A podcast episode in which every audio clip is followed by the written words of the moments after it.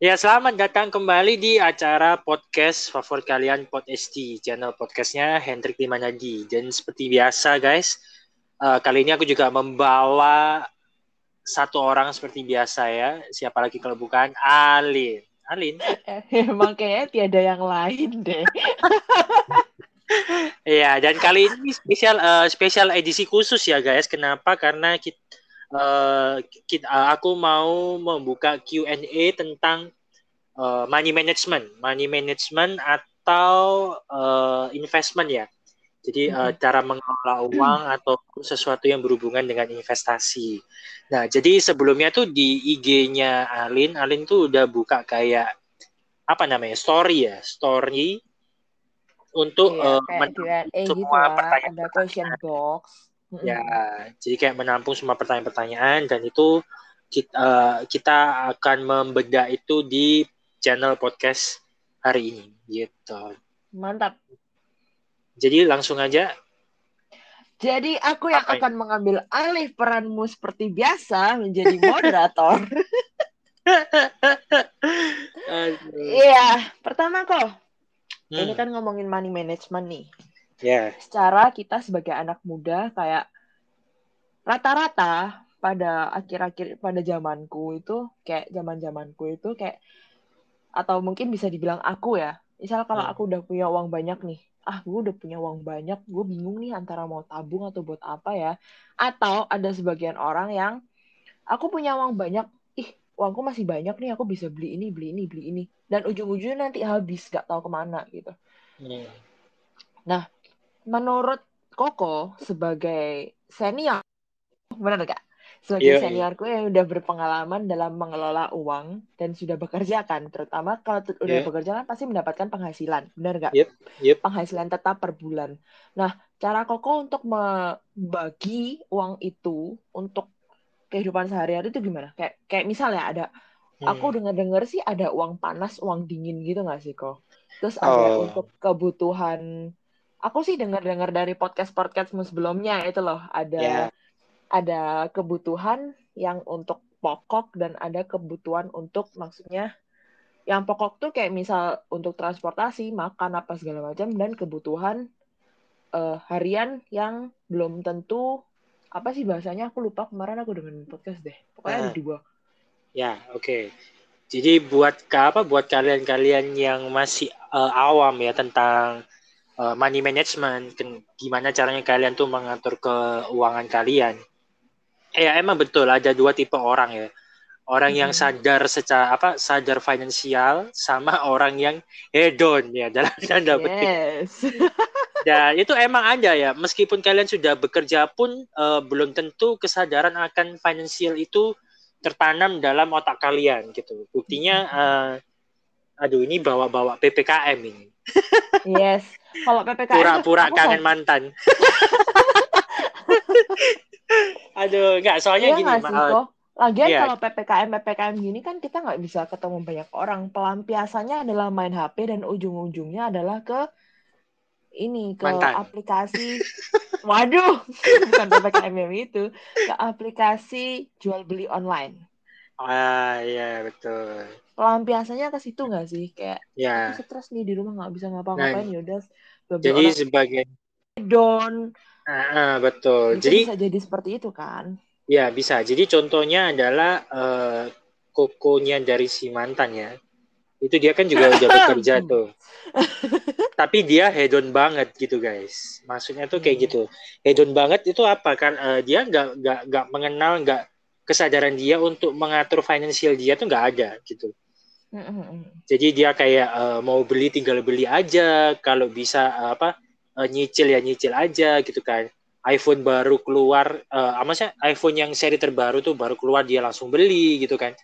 Jadi uh, apa pun tingkat kehedonnya dia tuh dan dan dia tuh mencukupi itu semua dari penghasilannya dia gitu. Mm-hmm. Nah kalau aku beda. Kan misalkan uang untuk lain-lain. Ya betul. Nah kalau apa? Uh, kalau aku beda. Kalau aku lebih uh, karena aku sudah di apa ya namanya? Sudah terbiasa ketika di Taiwan nih ya. Jadi uh, itu ke bawah sampai sekarang. Sistem mengatur keuanganku tuh kayak gimana? Nah, jadi sebagai Mm-mm. bocoran nih, kalau misalnya kalian belum dengerin atau kurang paham uh, podcastku yang tentang uh, mengatur keuangan itu, jadi kalau dari aku mengatur keuangan menurutku adalah yaitu aku membagi membagi atau mengalokasikan penghasilanku untuk beberapa hal. Yang Apa tuh? pertama apa yang pertama itu adalah fixed cost. Ya kan? Yes. Uh, terus habis itu kita baru bagikan lagi ke kedua adalah variable cost. Hmm. Oh iya. Nah, bedanya apa fixed cost sama variable cost? Mungkin yang bagi yang belum tahu, fixed cost adalah uh, kebutuhan di mana itu tidak boleh diganggu gugat. Yes. Maksudnya itu setiap bulan harus terpenuhi. Contoh, misalnya uh, uh, misalnya uh, kalau misalnya kalian bekerja, kalian butuh uang transport. Ya kan? Mm-mm. Uang transport untuk bekerja itu sebulan pasti harus ada, nggak mungkin nggak ada kan? Kalau nggak ya, ada kan kalian nggak bisa berangkat kerja. Benar. Terus uh, lagi, misal contohnya uh, kuota internet. Nah, Betul. kuota internet kan tiap bulan harus ada ya, nggak mungkin nggak ada gitu kan? Mm-mm. Nah, kayak gitu. Pokoknya Terus uang yang pasti kepake dan dan itu tiap bulan pasti ada dikeluarkan gitu. ya, dan nominalnya udah jelas. Ya, Gitu. kalau misal rumah tangga ya mungkin bayar tagihan listrik, bayar tag- Ya, betul. Nah, tagihan listrik, air, uh, Iya. terus apa namanya? internet, yang- apalah. oh, oh enggak enggak. Kalau menurutku uh, listrik, air sama uh, listrik sama air itu adalah Oh, sesuatu yang bisa divariabelkan. Ha-ha. Ya, ya. Jadi Sesuai penggunaan soalnya ya. ya sesuai penggunaan gitu. Oh, mungkin Nah, in- ini kali cicilan rumah, misal bayar KPR gitu ya cicilan rumah itu kan sesuatu yang harus ada. Nominalnya Iya. segitu, pasti setiap Hmm. bulan kayak gitu kan. Mm-mm, mm-mm. Nggak bisa diganggu gugat lagi, harus ada segitu gitu. Ya. mm. Nah, jadi itu Terus? yang dimaksud dengan fixed cost. Kalau Ya. variable cost ya itu tadi eh, kebutuhan kita di mana kita tuh bisa mengelolanya. Kita bisa mengurangi, bisa menambahi sesuai dengan apa yang kita mau gitu. Hmm, jadi lebih fleksibel gitu ya, Ko? Ya, lebih fleksibel. Contoh, kalian nih pengen banget ya punya wifi di rumah. Ya kan? Mm-mm. Kalian punya impian wifi-nya mau yang kenceng, mau yang cepat. Nah, Mm-mm. tapi pada kenyataannya penghasilan kalian belum mencukupi untuk uh, beli wifi yang kalian mau. Kalian bisa uh, kalian mempunyai dua pilihan antara kalian uh, menuruti gengsi kalian, pokoknya aku mau wifi yang cepat, ya kan? Mm-mm. Tapi uang kalian habis, atau kalian memilih ya udahlah untuk sementara wifi-nya yang pas-pasan aja, tapi aku punya uang lebih. Nah, Mhm. itu yang di, aku maksud variable cost. Jadi kita Mhm. bisa ngatur sesuka kita, kita bisa nambahin, kita bisa ngurangin gitu. Iya, iya, benar-benar. Terus di dalam fixed cost itu sendiri kalau buat aku ya, kalau buat aku di dalam fixed cost itu sendiri aku masuk apa eh, aku masukkan eh, porsi untuk aku investasi. Untuk aku menabung. Jadi porsiku menabung itu aku masukkan ke fixed cost. Kalau Hmm. orang kan ada orang yang berpikiran ya udahlah sisanya nanti aku tabung. Jadi misalnya Hmm. sebulan ini aku gajian dapat 5 juta. Ya udahlah nanti Hmm. itu 5 juta aku pakai pakai pakai kalau sebulan ada sisa ya udah itu aku yang aku tabung. Ada loh yang berpikiran kayak gitu. Iya, iya, Ada. iya. Ada, ada. Nah.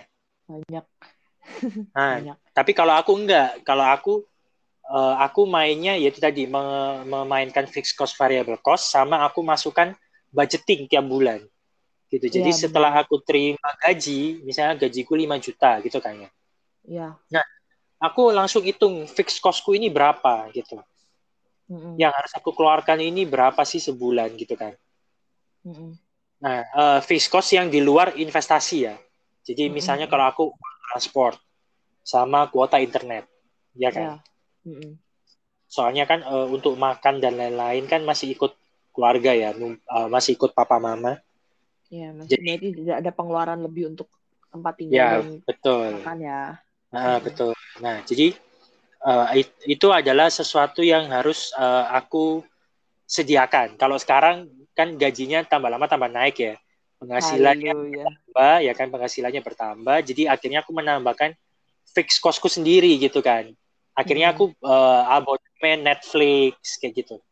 Mantap Bunda. Nah, tapi itu apa eh, ketika aku abonemen Netflix itu tidak mempengaruhi jumlah atau porsi aku investasi. Mm -mm. Gitu. Nah, jadi setelah fix costku semuanya ini aku sudah sesuaikan, ya kan? Mm -mm. Terus baru aku tambahkan, aku mau investasi itu berapa persen dari penghasilanku. Mm -mm.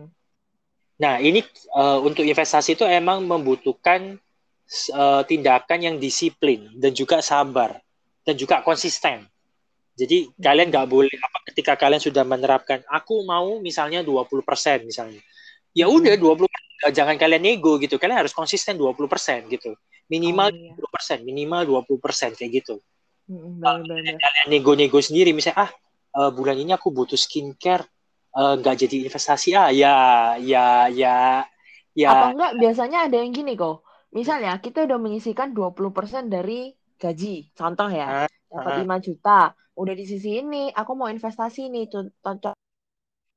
Tapi habis disisiin kan misalnya uang itu belum diotak-atik. Habis itu uh, variable costku kayaknya kurang deh dan aku ngambil duit dari duit inv duit 20% investasi itu gitu.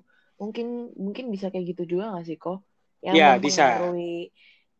mempengaruhi fixed cost kasih Iya betul. Maka maka dari gitu itu, kan? nah maka dari itu kalau aku menyiasat, menyiasatinya ya adalah uh, ketika aku terima gaji, aku langsung alokasikan itu semuanya. Jadi hmm. pure yang ada di ATM-ku adalah itu yang boleh aku pakai. Anggap yang tidak terganggu. Gitu ya, kok? ya, yang apa? Uh, yang yang aku alokasikan, yang aku budgetingkan untuk kebutuhanku sebulan. Mm -hmm. Itu yang ada di ATM-ku. Selebihnya yeah. aku sudah alokasikan untuk investasi, untuk apa, aku sudah alokasikan semuanya, kayak gitu. Jadi yeah. setiap tanggal 25 aku selalu mengalokasikan. Begitu terima langsung alokasikan, selesai gitu. Jadi aku nggak aku uh, aku nggak perlu takut kalau uang investasi itu akan terganggu nantinya, kayak gitu. Benar-benar. Gitu. Terus kok ngomong-ngomong investasi, investasi itu ada berapa macam sih kok? Kok kok kayak serem-serem terus nominalnya harus dalam jumlah yang besar atau apa gitu. Mungkin sebagai um. orang awam dan newbie untuk mengetahui hal investasi ini mungkin boleh di-sharingkan beberapa.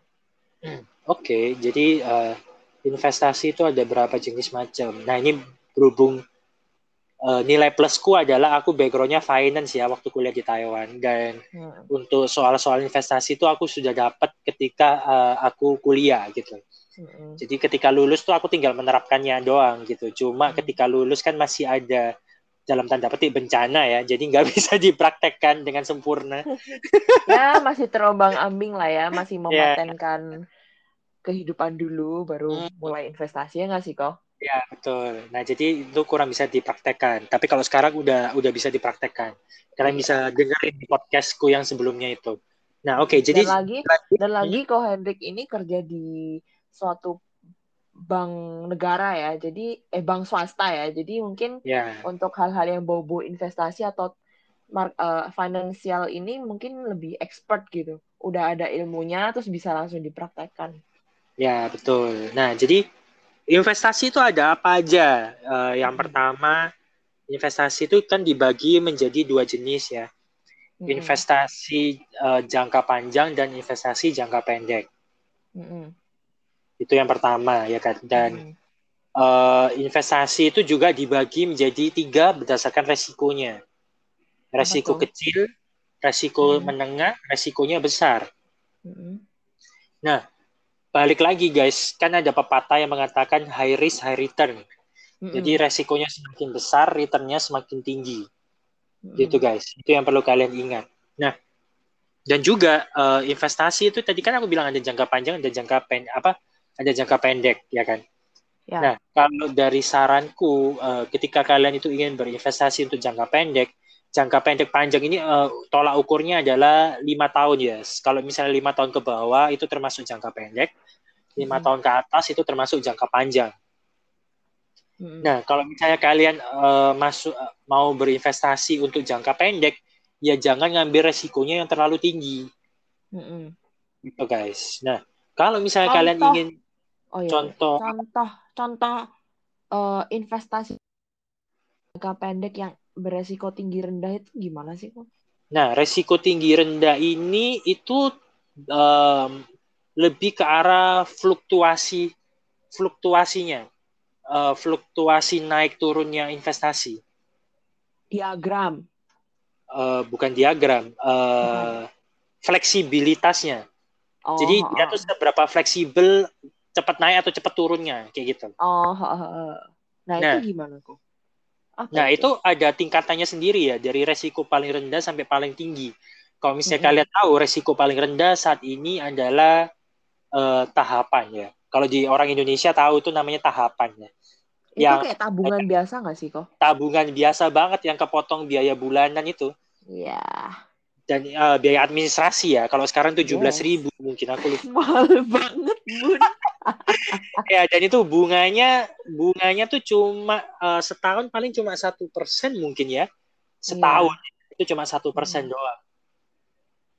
Nah jadi bisa dibayar. Bung di bank tahapan itu juga termasuk investasi ya. Tapi yang lowest yang, risk. Iya, yang sangat nggak berguna sekali menurut aku ya. Itu iya. kalau aku sih bilang itu bukan investasi, itu. Tapi kan uh, orang awam mungkin tahu itu hanya menabung, padahal itu sebenarnya tuh investasi, cuman uh, risknya paling rendah gitu. Iya, kalau kalian mau menabung jangan di tahapan lah. Kalian kepotong biaya adminnya aja udah berapa gitu kan. Kasian. Kalian bisa hitung sendiri aja dengan bunga apa dengan bunga sekian pers apa cuma apa Bunganya cuma berapa tiap bulan dipotong tujuh belas per tahun ya. Nah, jadi kalian persiapkan dana berapa supaya itu enggak enggak apa ketika kalian terima bunga per bulan itu masih lebih tinggi daripada biaya administrasi. Aduh, itu butuh ratusan juta kalau nggak salah ya. Iya benar. Untuk bisa menutupi itu gitu. Mm -mm. Nah terus? terus naik lagi nih dari tahapan ya kan. Itu sekarang hmm. ada yang namanya tabungan berjangka. Apa itu? Tabungan berjangka itu adalah uh, jadi kalian tuh kayak uh, menabung hmm. uh, ada jangka waktunya. Misalnya jangka waktunya tuh relatif pendek, misalnya cuma setahun, dua tahun kayak gitu kan. Tapi uh, kalian rutin, misalnya per bulan lima ratus ribu, uh, hmm. per bulan tujuh ratus ribu kayak gitu. Tapi rutin selama satu tahun itu tadi atau dua tahun itu tadi. Pokoknya selama jangka waktu yang kita set sendiri kan. Ya, betul. Itu nah, ada ada programnya itu dari banknya atau gimana sih? Ada, ada programnya dari bank. Jadi hmm. kalau misalnya kalian mau buka tahapan eh tahapan tabungan berjangka, ya hmm. ya itu ada kayak gitu. Tapi itu bunganya juga kecil banget gitu. Itu cuma paling cuma dua persen ya di bawah deposito lah gitu. Iya. Tapi itu juga nggak ada potongan admin kan? Atau ya, gimana? itu tidak itu tidak ada potongan admin. Jadi pure bener-bener kamu mau menabung ya udah masukin situ gitu kan. Hmm. Nah, terus naik lagi dari tabungan berjangka itu masuknya ke deposito. Nah, deposito nih gimana? Nah, Apa mungkin orang-orang orang-orang tua ya, orang-orang tua zaman sekarang tuh pikirannya deposito mulu gitu kayak ya udah depositoin aja, depositoin aja ya, gitu. kayak uang beku gitu gak sih? Ya, emang bener deposito itu uh, enak karena nggak ada resikonya sama ya kan resikonya apa uh, resikonya tuh ke, termasuk minim minimnya adalah ya kalau perusahaan apa bank itu bangkrut ya depositonya gimana gitu aja mm-hmm. nah tapi ya gitu kan uh, returnnya tuh juga kecil banget. Kalau sekarang itu deposito paling cuma tiga persenan ya gara-gara mm. corona ini. Deposito tuh cuma sekitar tiga persenan tiga empat persen. Per tahun. Per tahun. Per tahun. Dan untuk membuka sebuah rekening deposito itu biayanya lebih tinggi. Harus daripada punya, daripada tabungan berjangka tadi. Harus minimal, punya berapa puluh gitu nggak sih kok? Iya, minimal itu 10 juta. Nah, kalau tabungan tahapan kan paling 50 ribu nggak sih? Tabungan berjangka maksudnya? Berjang, berjangka, iya berjangka. Ya tabungan berjangka tuh kamu bisa set sendiri, kamu maunya berapa? Oh. Mau 100 ribu per bulan, mau lima ratus ribu per bulan itu bisa kayak gitu. Oh, I see, I see. Nah, terus uh, untuk deposito itu sendiri ya kan, bunganya tadi kan di sekitar tiga persenan ya. Iya. Tapi kenapa kok aku nggak suka deposito?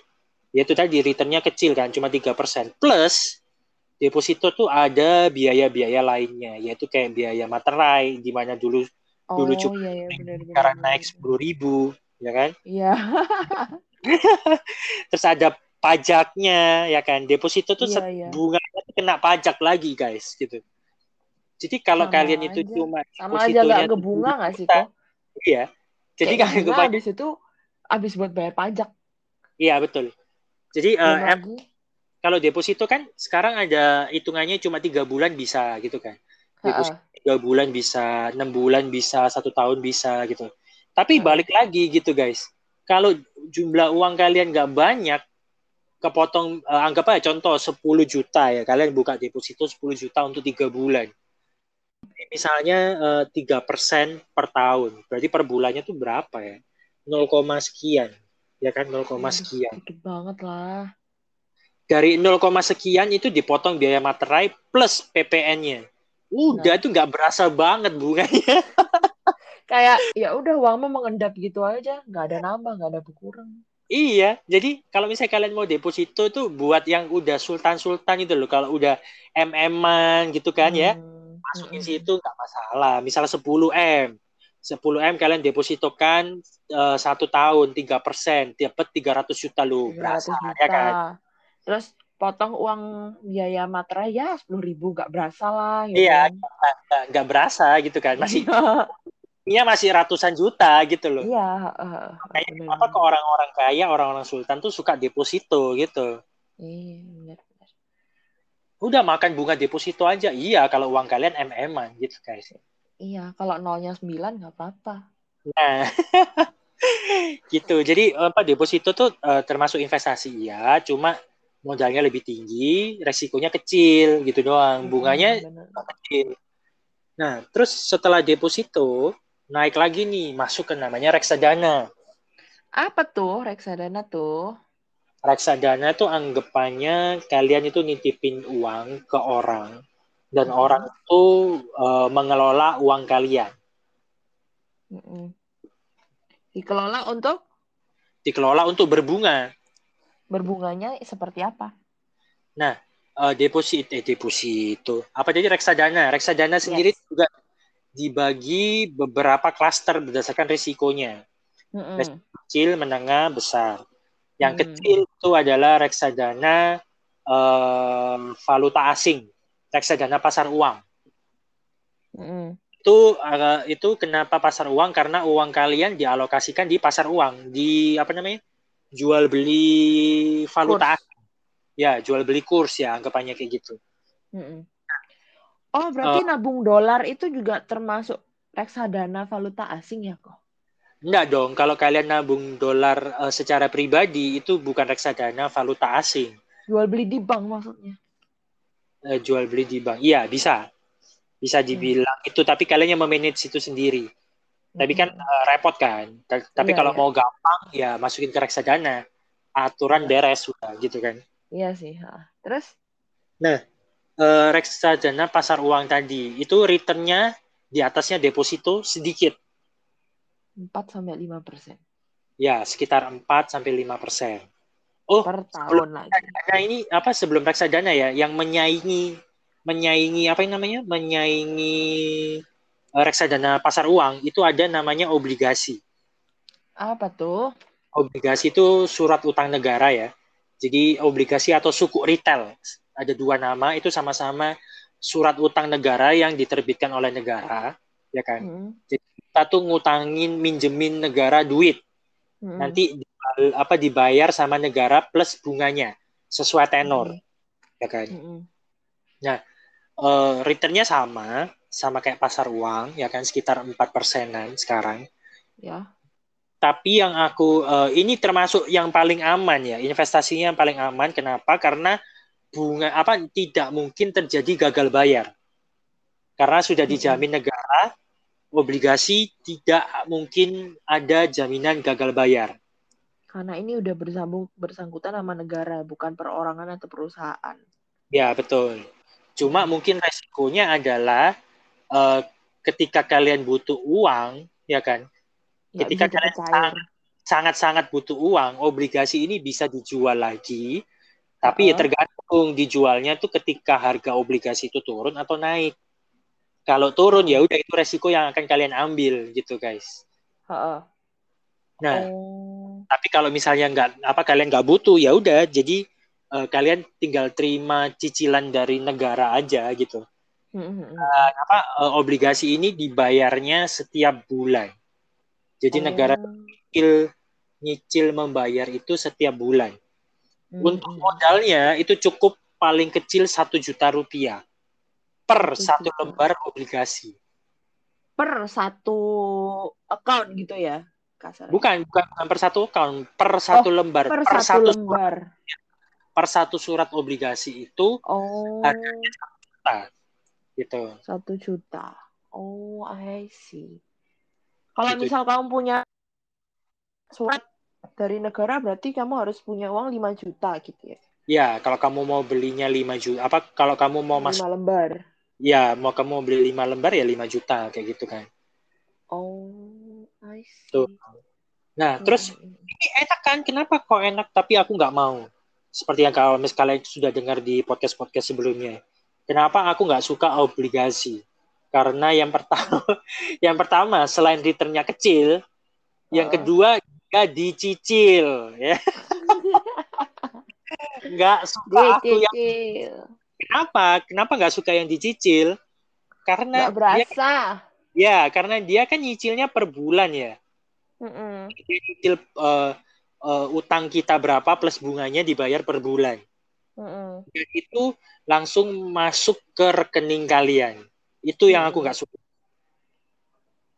Karena apa? Ya itu nggak berasa gitu. Per bulan misalnya uh, kapan hari itu aku pernah coba ya uh, ori ori 17 kalau nggak salah nama produknya. Yeah. Aku yeah. beli 5 juta. Mm-hmm. Itu uh, masuknya per bulan cuma sekitar tiga puluh ribu sampai lima puluh ribu doang ke rekeningku. Buat sekali makan habis. Jadi aku nggak tahu ini apaan gini ini ini bunga apa gitu kan nggak nggak ada rasanya gitu loh buat hmm. aku ya buat aku tuh kayak nggak ada rasanya apaan sih ini gitu kan jadi kayak kayak kayak nggak nggak berasa aku investasi yang ada bunganya gitu nggak nggak berasa melihat kayak uangku bertambah gitu.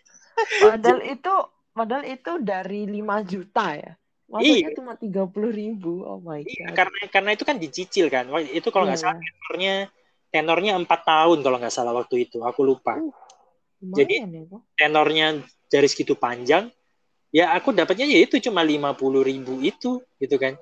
Mm-hmm. Nah, itu langsung masuk ke rekeningku, makanya aku nggak suka gitu. Mm-hmm. Makanya waktu itu uh, aku jual obligasiku, untungnya udah udah untung dua persenan lumayan lah ya dua persenan dari enggak kan gitu. Iya. Jadi aku kalau apa uh, obligasiku aku langsung masukin ke reksadana gitu guys. Balik lagi ke reksadana kok. Tadi reksadana itu kan ada low, middle sama high. Yang low itu ada valuta asing. Nah, yang middle itu ada apa kok? Yang middle ini itu reksadana pendapatan tetap. Namanya okay, ya. Itu.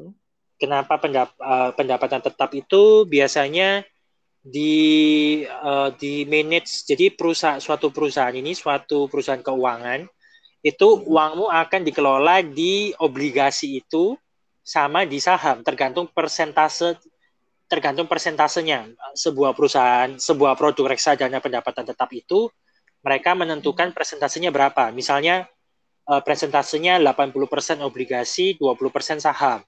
Atau hmm. 90% obligasi 10% saham Nah, Berarti itu tergantung dari profil kita ya? Tergantung dari profil uh, profil, profil produknya. Kan? Profil produk reksadananya. Oh.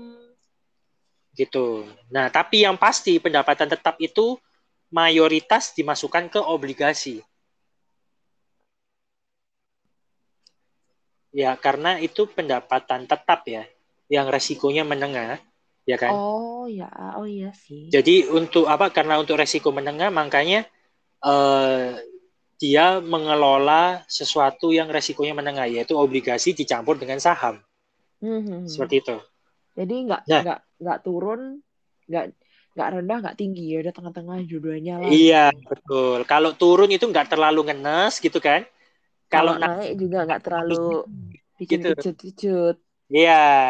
Benar benar benar. Kalau untuk returnnya ya returnnya setelah aku survei itu rata-rata di atas obligasi yaitu sekitar 5 sampai uh, tujuan ya 5 sampai 7 persen. Kembali lagi per tahun. Per tahun. Hmm. Sekitar segituan 5 sampai 7 persenan. Lumayan ya kok ya. Ya, lumayan. Itu untuk makanya untuk jangka pendek ya, jangka pendek, pendek. sarankan yaitu tadi uh, reksadana pendapatan tetap ya kan. Reksadana hmm. pendapatan tetap, reksadana pasar uang. Hmm. Kalau kalian mau obligasi juga bisa, ya kan? Kalau kalian mau deposito juga bisa, itu semua tergolong investasi untuk jangka pendek, di mana hmm. resiko yang kalian ambil itu tidak terlalu besar. Hmm. Oh. Terus yang uh, reksadana resiko tinggi itu berarti yang saham itu ya kok? Betul. Jadi reksadana dengan resiko paling tinggi adalah di reksadana saham namanya. Hmm. Karena apa? Karena alokasinya adalah mayoritas saham yang dikelola gitu. Jadi uangmu akan dijual belikan di bursa saham. Mm-hmm. Di mana yang kalian tahu ya kan ketika tahun lalu bulan Maret ketika corona itu masuk ke Indonesia itu saham kan hancur tuh. Iya. Bursa yeah. efek Indonesia hancur. Otomatis kalau kalian punya yang namanya reksadana saham ya hancur. Mm-hmm. Hancurnya nggak main-main gitu. Jadi kalau hancur hancur. Kalau uh, kalau nggak hancur ya bisa tinggi gitu kan. Nah untuk for your information rata-rata ya rata-rata return hmm. dalam reksadana saham itu paling maksimal rata-ratanya 15% per tahun. Hmm. Rata-rata ya, bukan pasti 15% per tahun, tapi rata-rata. Contohnya, uh, sebelum beberapa tahun sebelum corona itu uh, mereka bisa menghasilkan return 30 persenan, 50 persenan. Bisa. Tapi ketika uh, apa uh, masuk ke, ke ke ke corona, musim corona tahun lalu Maret, itu hmm. bisa minus sampai 50 persen. Kayak gitu. Minus jadi, ya, minus ya. ya. Jadi fluktuasinya itu besar. Itu yang aku maksud hmm. dengan resiko besar. Jadi fluktuasi naik turunnya itu tuh besar banget gitu guys. Makanya iya. kenapa ini aku sarankan untuk jangka panjang gitu kan. Kalau hmm. misalnya kalau kalian uh, nyimpen untuk dana menikah dua tahun lagi kalian masukin ke reksadana saham gitu ya. Misalnya kalian nabungnya, hmm. aku mau masukin ke reksadana saham, kalian masukinnya tahun 2019. Akhir kalian masukin 50 juta misalnya. Boom, 2020 kejadian apa? Uh, kalian mau merit dua tahun lagi gitu kan, 2021. Hmm di 2020 boom corona uh, prof Anjur. apa uh, portofolio kalian lenyap 50% lebih stres nggak kalian gitu jadi uh, itu untuk jangka waktu yang panjang gitu guys berarti Di mana, itu saham itu bisa loss sama sekali ya kok ya bisa loss jadi kalau rugi ya rugi banyak ya kan kalau untung juga untungnya banyak kayak gitu Hmm. Jadi reksadana saham tuh kayak gitu. Dan juga ada yang namanya reksadana campuran. Tapi nggak semua perusahaan punya produk namanya reksadana campuran. Nah, reksadana oh. campuran ini ya di tengah-tengahnya reksadana pendapatan tetap sama saham. Karena apa? Karena uh, itu anggapannya kayak 50-50. Jadi 50% saham, 50% obligasi. Kalau yang hmm. pendapatan tetap tadi kan uh, mayoritas di obligasi. Kalau iya. campuran yeah. itu lebih ke kayak ya 50-50 lah kayak gitu. Kurang lebih 50-50 lah gitu. Hmm. I see. Gitu. Itu adalah sekitar tentang reksadana ya. Ya. Yeah. Nah, kalau misalnya aku main saham sendiri gimana? Bisa. Itu juga termasuk investasi sama hmm. aja, cuma bedanya kalau kalian masukin ke reksadana saham, kalian cuma tahu jadi doang Ya. ya kan kalian cuma tinggal ngeliat oh sekarang turun sekian, oh sekarang uangku nambah sekian kayak gitu. Tapi ya. kalau di kalian mengelola saham sendiri, kalian dapat yang namanya dividen. Apa ya kan? dividen? Dividen itu adalah uh, keuntungan sebuah perusahaan yang dibagi-bagikan kepada pemilik apa pemegang saham. Mm. Jadi itu biasanya dibaginya setahun sekali.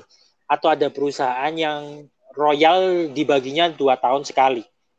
Hmm. Itu. Jadi kalau misalnya kalian ikut reksadana saham, dapat nggak dividen? Enggak. Karena uang kalian dikelola oleh uh, sebuah manajemen perusahaan. Keuangan. Ya, manajemen keuangannya yang dapat dividennya. karena mereka yang mengelola uang kalian dijual belikan gitu. Tapi kalau kalian beli sendiri, ya kalian bisa dapat dividen itu tadi. Hmm, I see. Nah, tapi tapi ya kalau Oh, kalian manage saham sendiri, ya returnnya belum tentu bisa sehebat reksadana saham. Kecuali kalau kalian udah mahir ya. Karena kalau soalnya aku dengar gini, kalau saham itu harus punya banyak waktu untuk mantengin dan kita harus punya ilmu yang benar-benar pakem buat bisa permainan naik turun saham itu nggak sih? Misal kalau misal ini segini kita harus jual nih, timingnya seperti ini, kita harus beli nih gini-gini gitu. Itu nggak sih kok? Nah, eh, kalau itu eh, aku mau jelasin juga ya. Jadi kalau misalnya kalian ingin ber- mengelola saham kalian sendiri, yang perlu kalian lakukan adalah yang pertama ya, yang paling penting, tentukan mindset kalian. Kalian Hmm. mau jadi tipe investor atau kalian mau jadi tipe trading? Kalian mau investing atau mau trading? Kalian mau in- apa investor atau trader? Itu sesuatu yang beda. Nggak boleh separuh-separuh. Ya, kalau separuh-separuh kalian nanti stres-stres sendiri. Apa Kenapa? Kenapa kok misalnya eh, di reksadana it, apa reksadana saham itu bisa returnnya sampai sekian?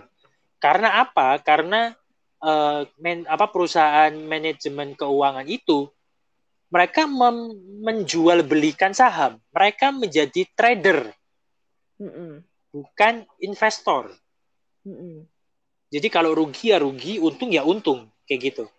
Jadi Hmm. mereka main yang namanya eh, cut loss sama take profit. Kalau udah apa ruginya sampai seberapa, mereka ya udah kita cukup rugi sekian aja, gitu. Kalau udah kalau misalnya untung ya udah kita cukup untung sekian aja. Oh, berarti Itu- udah ter terjaga gitu ya kok kasarnya. Ya, dan itu eh, Hmm. apa namanya? Itu yang yang yang dimaksud dengan trader. Jadi Mm-mm. kalian harus paham tingkat-tingkat di mana kalian bisa uh, memanage kerugian atau memanage keuntungan kalian. Soalnya Mm-mm. banyak anak-anak muda yang tergiur sama profit, benar nggak? Ya, Mereka benar. bilang, aduh ini pasti apa? Udah untung 10%. Ah, Hmm. pasti bisa nih 15%. Gak tahu besoknya udah apa rugi 5%. Hmm. Maksudnya minus ya. Jadi uh, turunnya 15%. Bisa kayak gitu di saham. Mhm. Nah, makanya kena apa? eh, kalian harus eh, memiliki mindset dulu. Kalau misalnya kalian pengen jadi trader ya, kalian harus memiliki mindset. Kalian mau take profit di berapa persen dan Mhm. kalian mau stop loss, stop kerugian kalian di berapa persen. Itu harus jelas dan konsisten. Mm-mm. Kalau enggak ya kalian akan kemakan. Misalnya lagi rugi nih, ah tenang aja, besok ini pasti naik. Eh ternyata besok malah turun lagi 10%. Bisa, Mhm. di gitu. Anything can be happen. Ya, betul. Gitu. Jadi kalau di saham apa kalau di, kalian ingin mengelola saham kalian sendiri, kalian harus tentukan kalian mau investing atau kalian mau trading. Gitu. Kalau aku, aku adalah tipe investing. Jadi aku numpuk sahamnya. Beli, beli, beli gitu terus. Ya, jadi aku cuma beli, beli, beli dan beli. Gitu kan. Mm-mm. Dengan nggak tujuan ada jual-jualan gitu ya kok. nggak ada aku nggak eh, aku nggak ada jual sahamku sama sekali soalnya dengan tujuan apa dengan tujuan eh, aku bisa dapat dividennya Iya. plus aku bisa menantikan harga itu naik dengan sendirinya Mm-mm. nah caranya gimana taunya kapan beli kap, apa kapan belinya atau apa yang harus dibeli ya kan Mm-mm. itu yang menjadi pertanyaan pada umumnya Iya. kapan aku harus beli apa yang harus dibeli Mm-mm. pertanyaan apa eh, jawabannya sih simpel ya. Ya apa yang harus dibeli?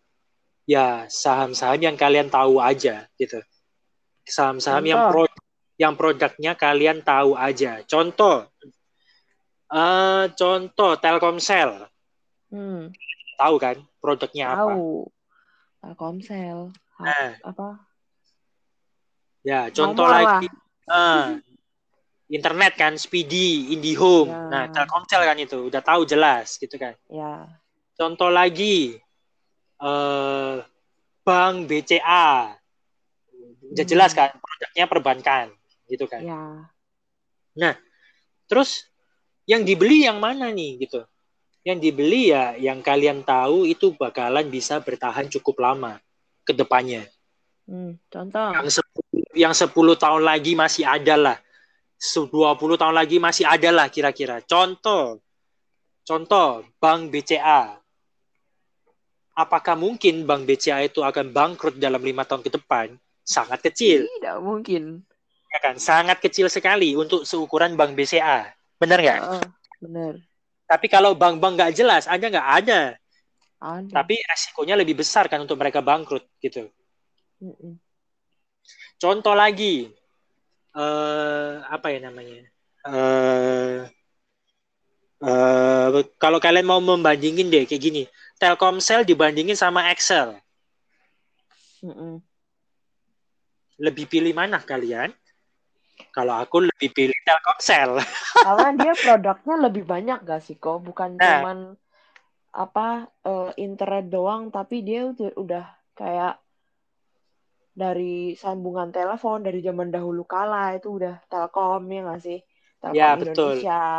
Karena apa? Kalau lebih prefer Telkomsel karena dia adalah market leadernya yang pertama, ya kan? Aha, aha. Di mana kalau namanya market leader itu nggak mungkin kehilangan konsumen, bener nggak sih? Ya, benar. Sama kayak Unilever lah ya. Mana ada orang yang nggak mau pakai sampo Pantene lagi? Nggak ada kan?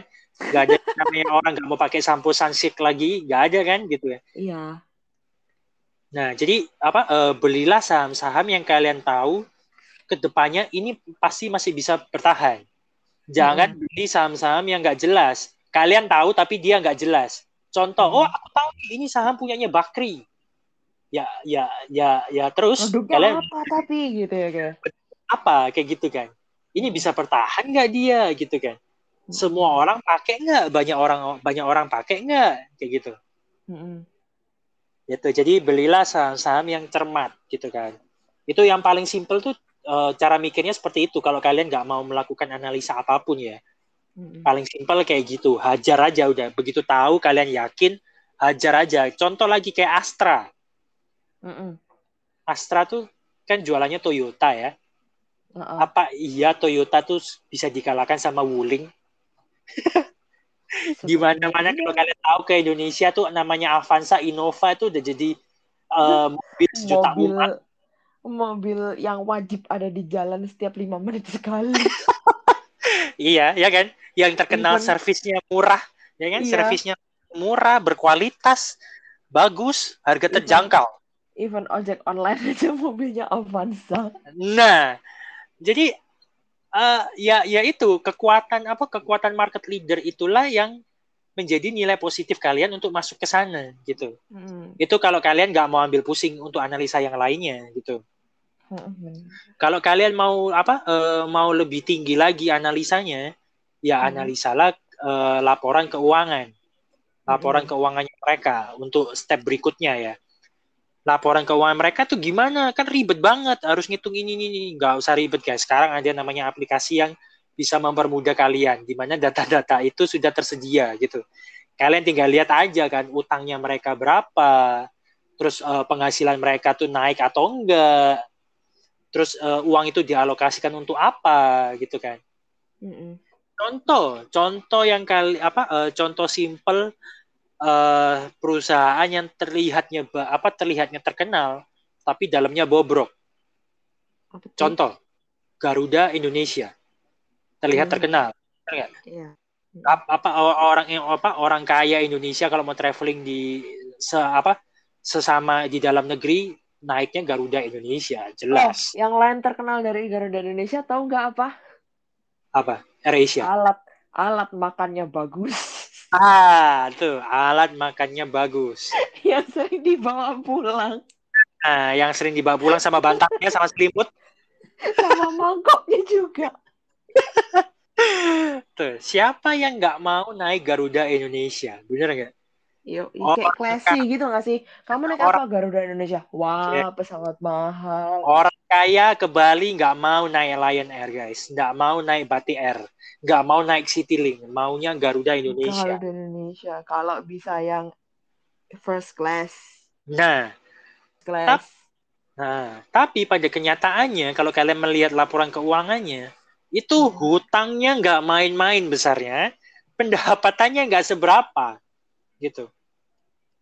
Jadi apakah itu worth it untuk kalian investasi di sana? Belum tentu gitu. Kalian harus tentukan sendiri gitu kan. Mm-mm. Tapi kalau kalian merasa yakin, ya udah masuk aja gitu. Di Garuda Indonesia. Gitu kan. Yeah. Nah, dan terus uh, itu yang mau lebih expertnya. Kalau mau lebih expertnya lagi ya, kalian bisa menganalisa yang namanya harga wajar sebuah saham. Harga wajar. Jadi nah, harga wajar sebuah saham. Kan uh, semua orang tahu ya, namanya beli pasti harganya murah di waktu harganya murah atau harga diskonan ya kalau kita beli barang pun juga nunggunya nunggu lebaran atau nunggu Natal tahun baru supaya diskon ya kan. Nah, di saham sikat. Nah, di saham juga seperti itu. Belinya ya waktu diskon. Iya. Taunya kapan waktu diskon? Yaitu adalah ngitung dari harga wajar sebuah saham kalian harus tahu harga wajar sebuah saham ini ada di harga berapa. Sekarang hmm. di harga berapa? Kalau lebih tinggi berarti kemahalan dong, kayak gitu. Iya. Kalau kemahalan ya jangan dibeli dong. Beli yang lainnya aja yang lagi diskon gitu. Iya. Nah, cara taunya kayak gimana? Itu juga sekarang nggak usah ribet-ribet, ada di aplikasi. Kembali ke aplikasi yang semua nah, sekarang sudah serba online. Nah, jadi kalau dulu waktu aku kuliah aku disuruh ngitung. Ini hmm. caranya gimana ngitungnya supaya kamu tentukan harga wajar saham. Oh, ada gimana rumusnya cara... ya kok? Ada, ada rumusnya. disuruh hitung perusahaan ini sehat atau enggak. Ada. Hmm. Kalau sekarang nggak usah ribet, tinggal lihat aja di aplikasi selesai. Gitu kan. Ya, benar. Nah, kalau untuk menentukan harga wajar saham itu ada namanya uh, eh, PE ratio atau PBV ratio itu PE ratio adalah price per earning ratio sama price per book value. Hmm. Nah, itu adalah uh, dua indikator untuk menentukan dua harga saham. Kalian bisa pakai salah satunya. Kalau aku lebih prefer pakai price uh, price earning ratio. Price earning ratio itu uh, di mana sebuah harga itu di, apa dibandingkan dengan pendapatan mereka tiba terus dijadikan rasio untuk mengukur harga wajar sebuah saham. Mm -mm. Nah itu ada di aplikasi. Kalian tinggal lihat uh, ini lagi diskon atau enggak. Kalian tinggal lihat aja diagramnya untuk menentukan itu diskon atau enggak kayak gitu. Mm. Tapi ya tapi juga ada saham-saham yang selalu over value yang jar, sangat jarang sekali menyentuh harga di bawah harga wajar. Mm-mm. Contoh, Bank BCA. Mm-mm. BCA itu kalau kalian hitung ya, kalau kalian bikin diagramnya harga wajarnya itu dia sangat jarang sekali menyentuh harga wajar, selalu di atas harga wajar. Mm-mm. Nah, jadi kalian tinggal uh, cerdik-cerdik aja kapan kalian harus masuknya. Terus selain Bank BCA ada lagi yang namanya Sido Muncul. Sido Muncul itu juga seringnya di atas harga wajar. Mm-mm. Tuh, jadi kalau kalian mau masuk situ, ya kalian harus bisa mengukur sendiri gitu kira-kiranya kapan kayak gitu kan. Mm-mm. Nah itu tadi seputar tentang saham gitu. Nah portofolionya sekarang gimana kebakaran guys kebakaran karena lagi corona kan jadi ya kebakaran. Tapi nggak usah khawatir kan aku tujuannya untuk investing bukan iya. trading. Iya. Jadi untuk jangka panjang. Kalau kebakaran panik nggak? Enggak, nggak panik guys. Jangan panik. Jangan ikutan jual. Kalau apa? Kalau katanya siapa itu namanya Warren Buffett ya, Warren Buffett. Dia kan nggak pernah jual sahamnya tuh. Dia bisa hmm. sukses itu karena dia nggak pernah jual sahamnya. Yeah. Dan juga uh, Warren Buffett juga yang bilang jangan takut ketika semua orang itu pada jual sahamnya mereka. Hmm. Ketika semua orang itu takut dan nggak percaya sama saham, saat itulah kalian harus beli. Mm-mm. Gitu. Jadi uh, itu bukan bukan sebuah apa bukan sebuah apa ya kaleng-kaleng tapi itu teori yang menurutku cukup benar gitu. Contoh, yeah. ketika corona datang tahun lalu, mm-hmm. di mana harga IHSG itu sampai ke empat ribuan, ya kan? Semua saham hancur total, elemen mm-hmm. apa pun hancur total, ya. Yeah. Semua orang pada jual sahamnya karena takut akan tambah turun lagi. Yeah. Nah, pada saat itulah seharusnya kalian beli gitu. Karena apa? Lihatlah sekarang IHSG sudah kembali ke 5.000, 6.000-an. Kayak gitu loh guys. Itu apa yang aku bilang namanya fluktuasi pasar saham. Bisa seperti itu gitu. Oh, I see, I see.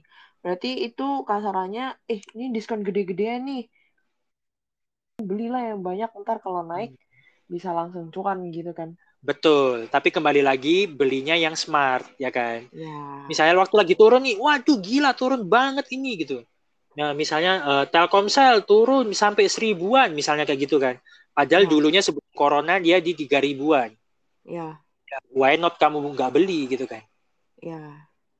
Berarti harus tetap dilihat grafik fleksibilitasnya itu tadi ya kok ya. Eh, kalau aku cuma indikatorku adalah harga normal sebuah saham.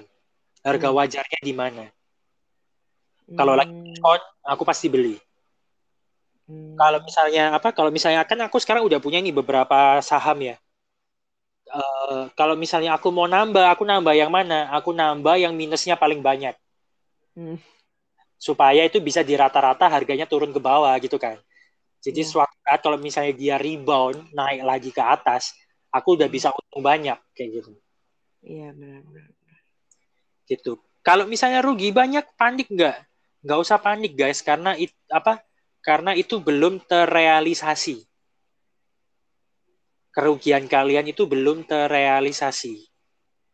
Kalian rugi itu kalau misalnya kalian jual rugi. Iya.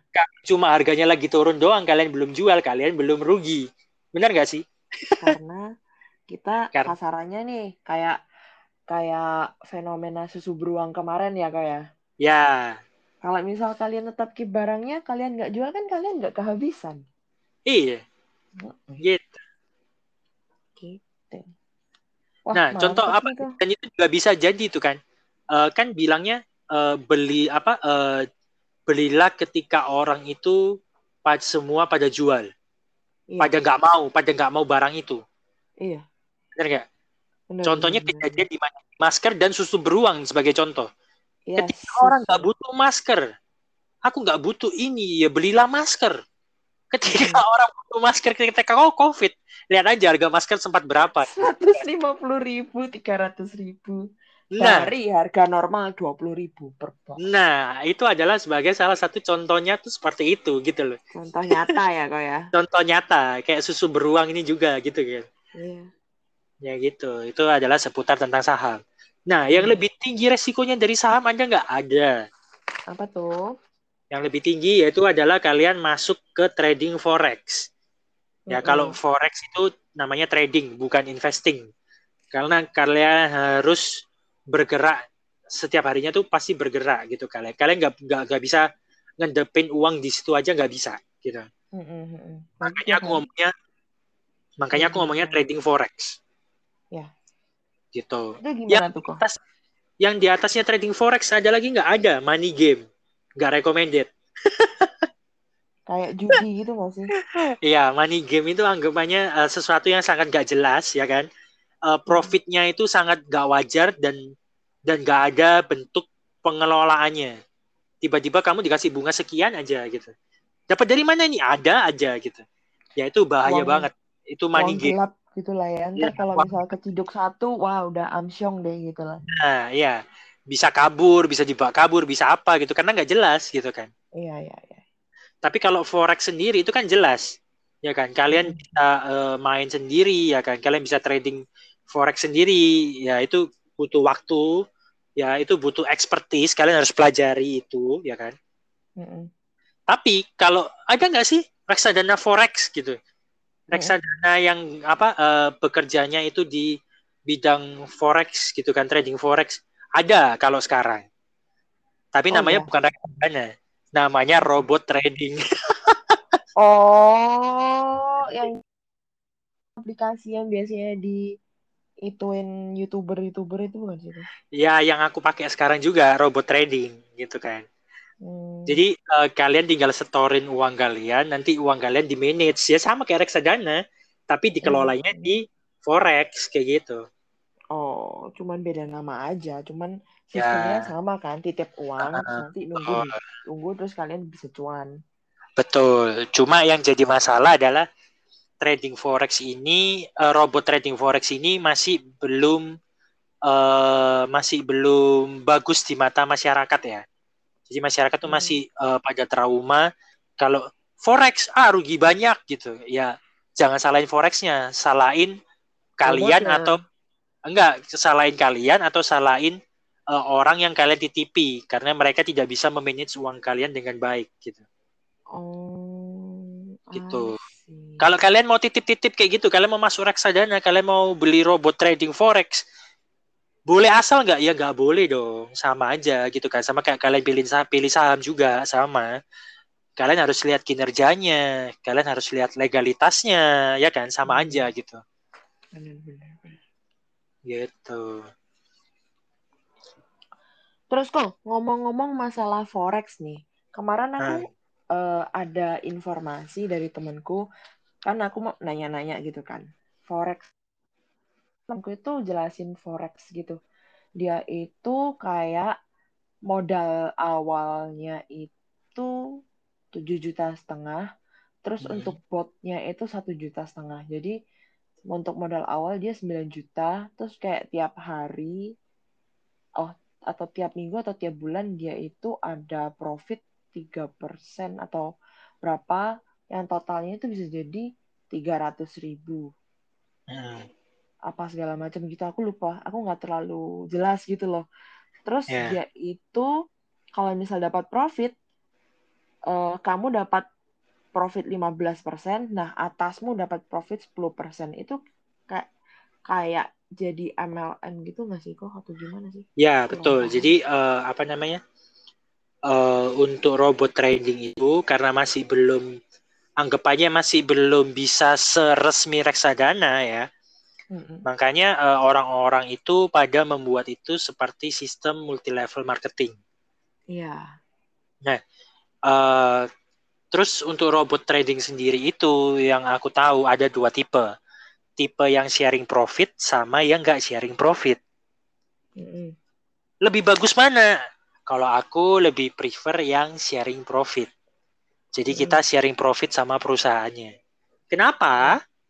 Karena perbedaannya adalah kalau kalian itu ikut yang tidak sharing profit, yang tidak ada sharing profit ya, jadi keuntungan 100% buat kamu, hmm. itu kebanyakan harga pendaftarannya mahal. Hmm. Karena apa? Karena perusahaan ngambil untung di situ. Hmm. Nah, sharing profit. Ya. Tapi kalau yang sharing profit, biaya pendaftarannya murah. Karena apa? Karena perusahaan ngambil untungnya juga dari sharing profit. Iya. Nah, terus kenapa kok aku lebih prefer yang sharing profit? Hmm. Karena uh, kasarannya tuh seperti ini. Kalau misalnya perusahaan itu sharing profit, kan keuntungan dia paling besar ada di sharing profitnya itu. Benar iya. nggak? Keuntungan yang berkelanjutan, ya kan? Yeah.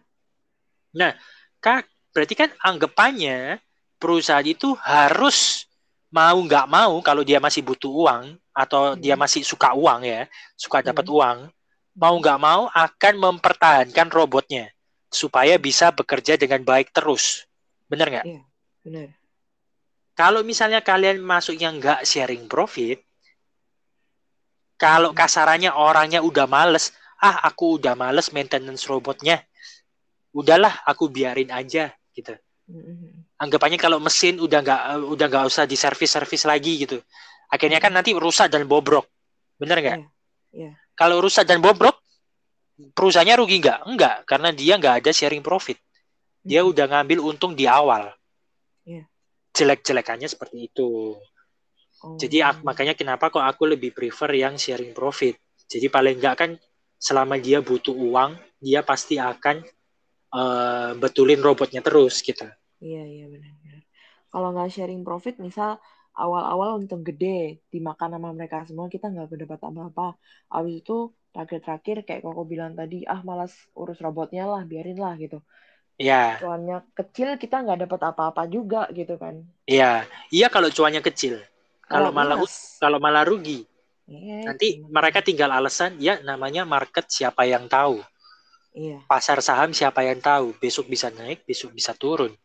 Analisa teknikal, analisa fundamental bisa, tapi itu tidak bisa menjamin kepastian. Mm-mm. Dia pasti akan muternya di situ-situ aja. Karena aku Hmm. sudah ngalamin dulu.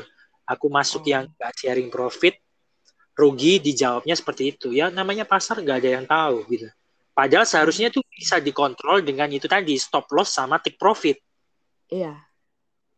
Dengan manajemen dengan yang bagus kita bisa memperkecil resiko kita gitu.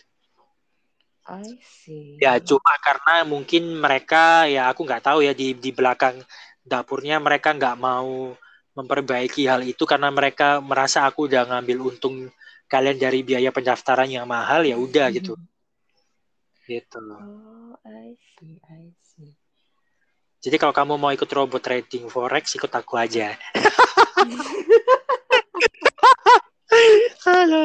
Kembali ke awal. Cuan. Kembali ke awal. Cuan, ya. Gitu. Gitu.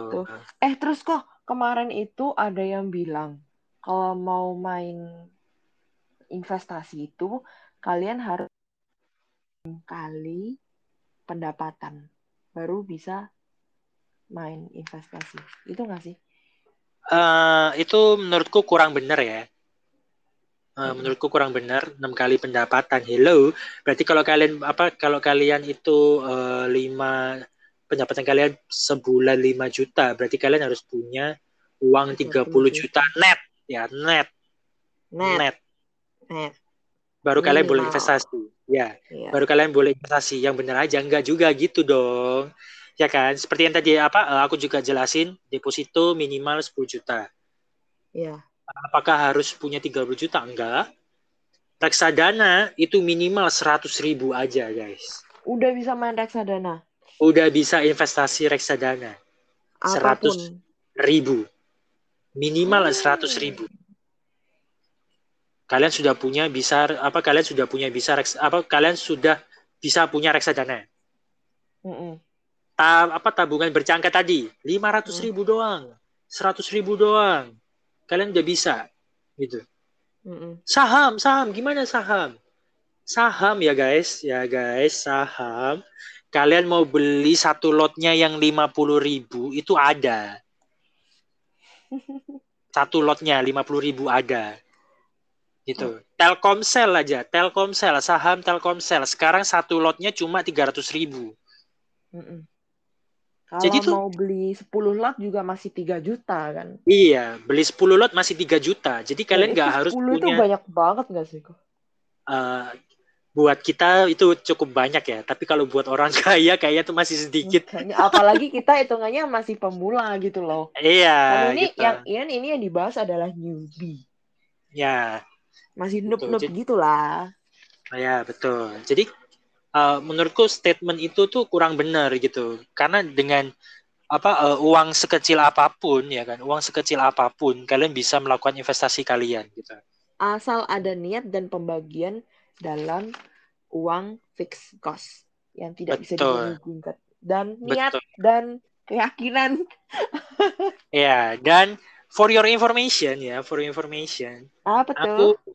mengalokasikan eh, 50% itu untuk investasi dari pendapatan gitu. Jadi itu tergantung ya, kan orang bilangnya ya investasi 10% dari pendapatan. Menurutku kurang buat aku ya untuk mengejar sem- apa mengejar eh, orang-orang yang di depan sana untuk mengejar kebebasan finansial 10% itu kurang.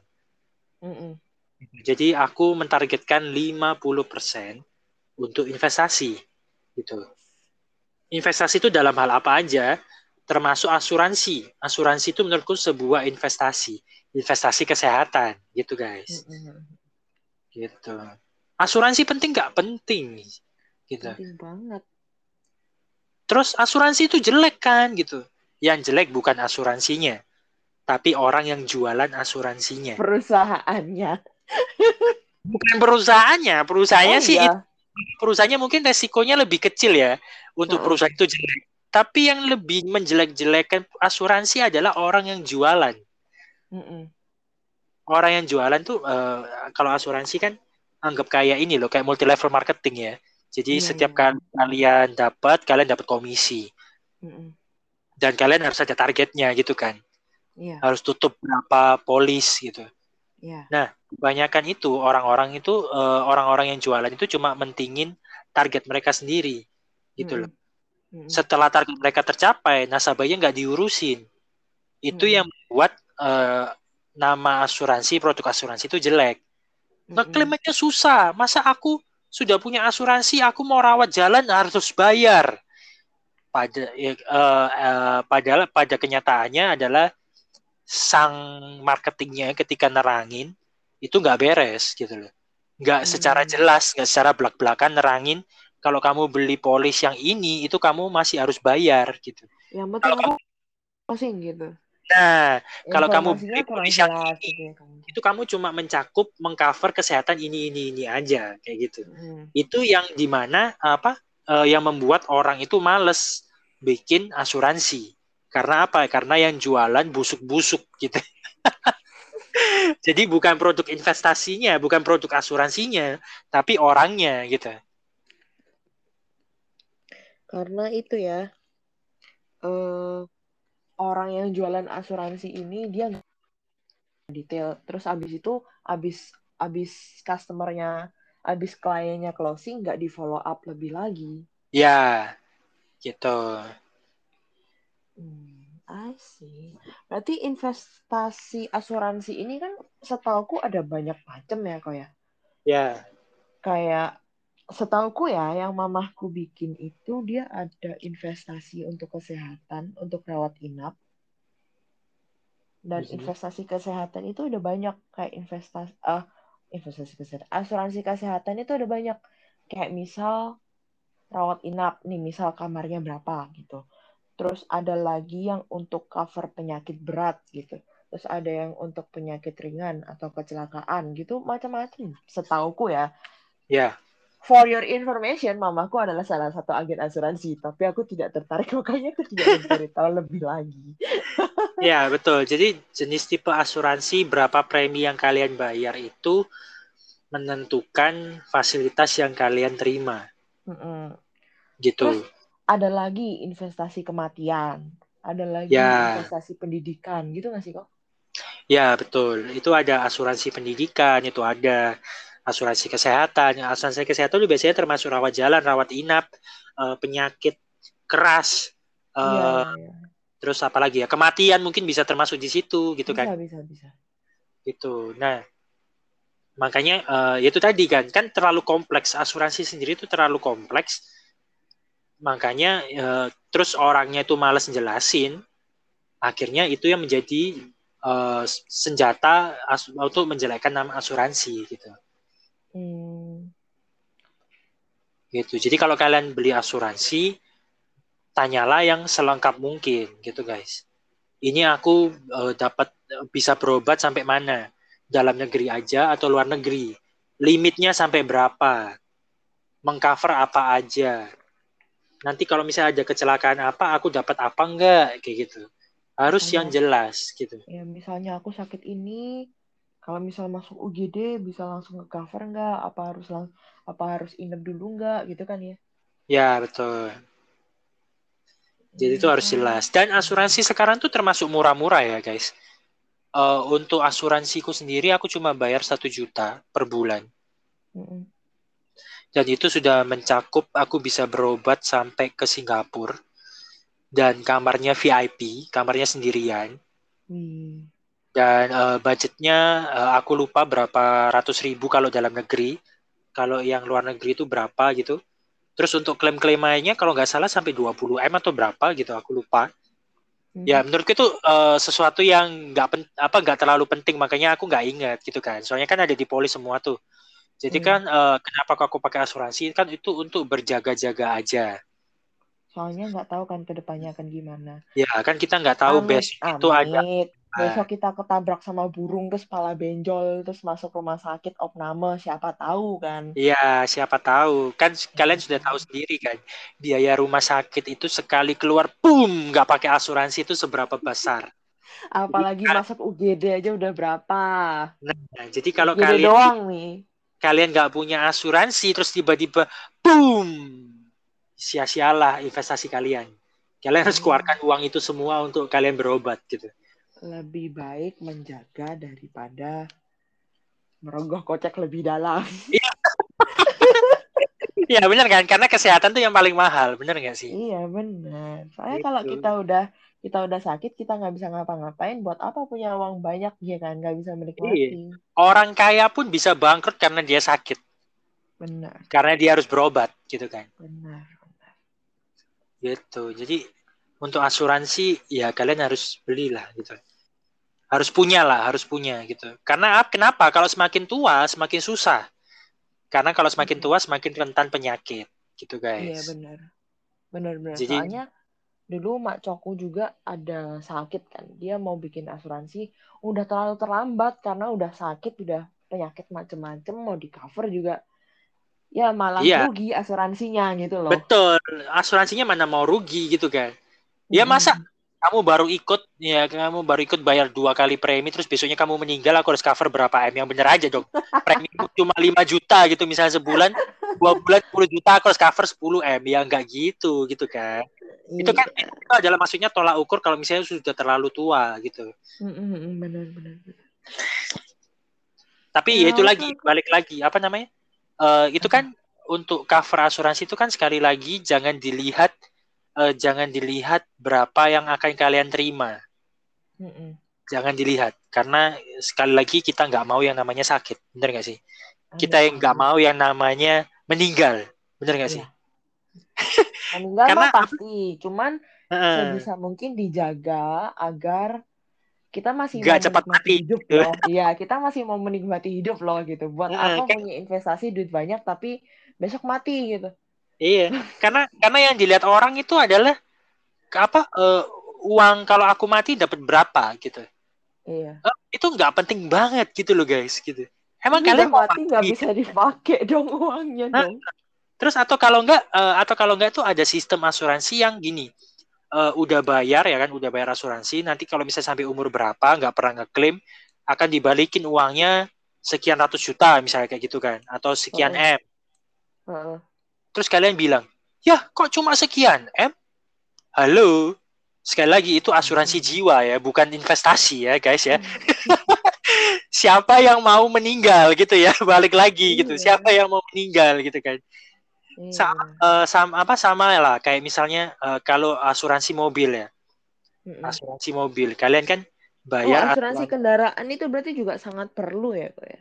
iya asuransi mobil lah contohnya. Kalian bayar asuransi mobil kan? Ya untuk jaga-jaga kalau misalnya ketabrak peok kalian cuma apa kalian cuma cukup bayar tiga ratus ribu. Iya. ya ini sama. Sistem apa asuransi jiwa adalah ya sistemnya seperti itu. Jaga-jaga aja gitu. Hmm. kalau sewaktu-waktu kejadian kalian tidak perlu merogoh kocek yang banyak gitu guys. Iya. Ya tipis-tipis lah. hmm. Cara di awal kita bayar premi tiap bulan gitu. Ya,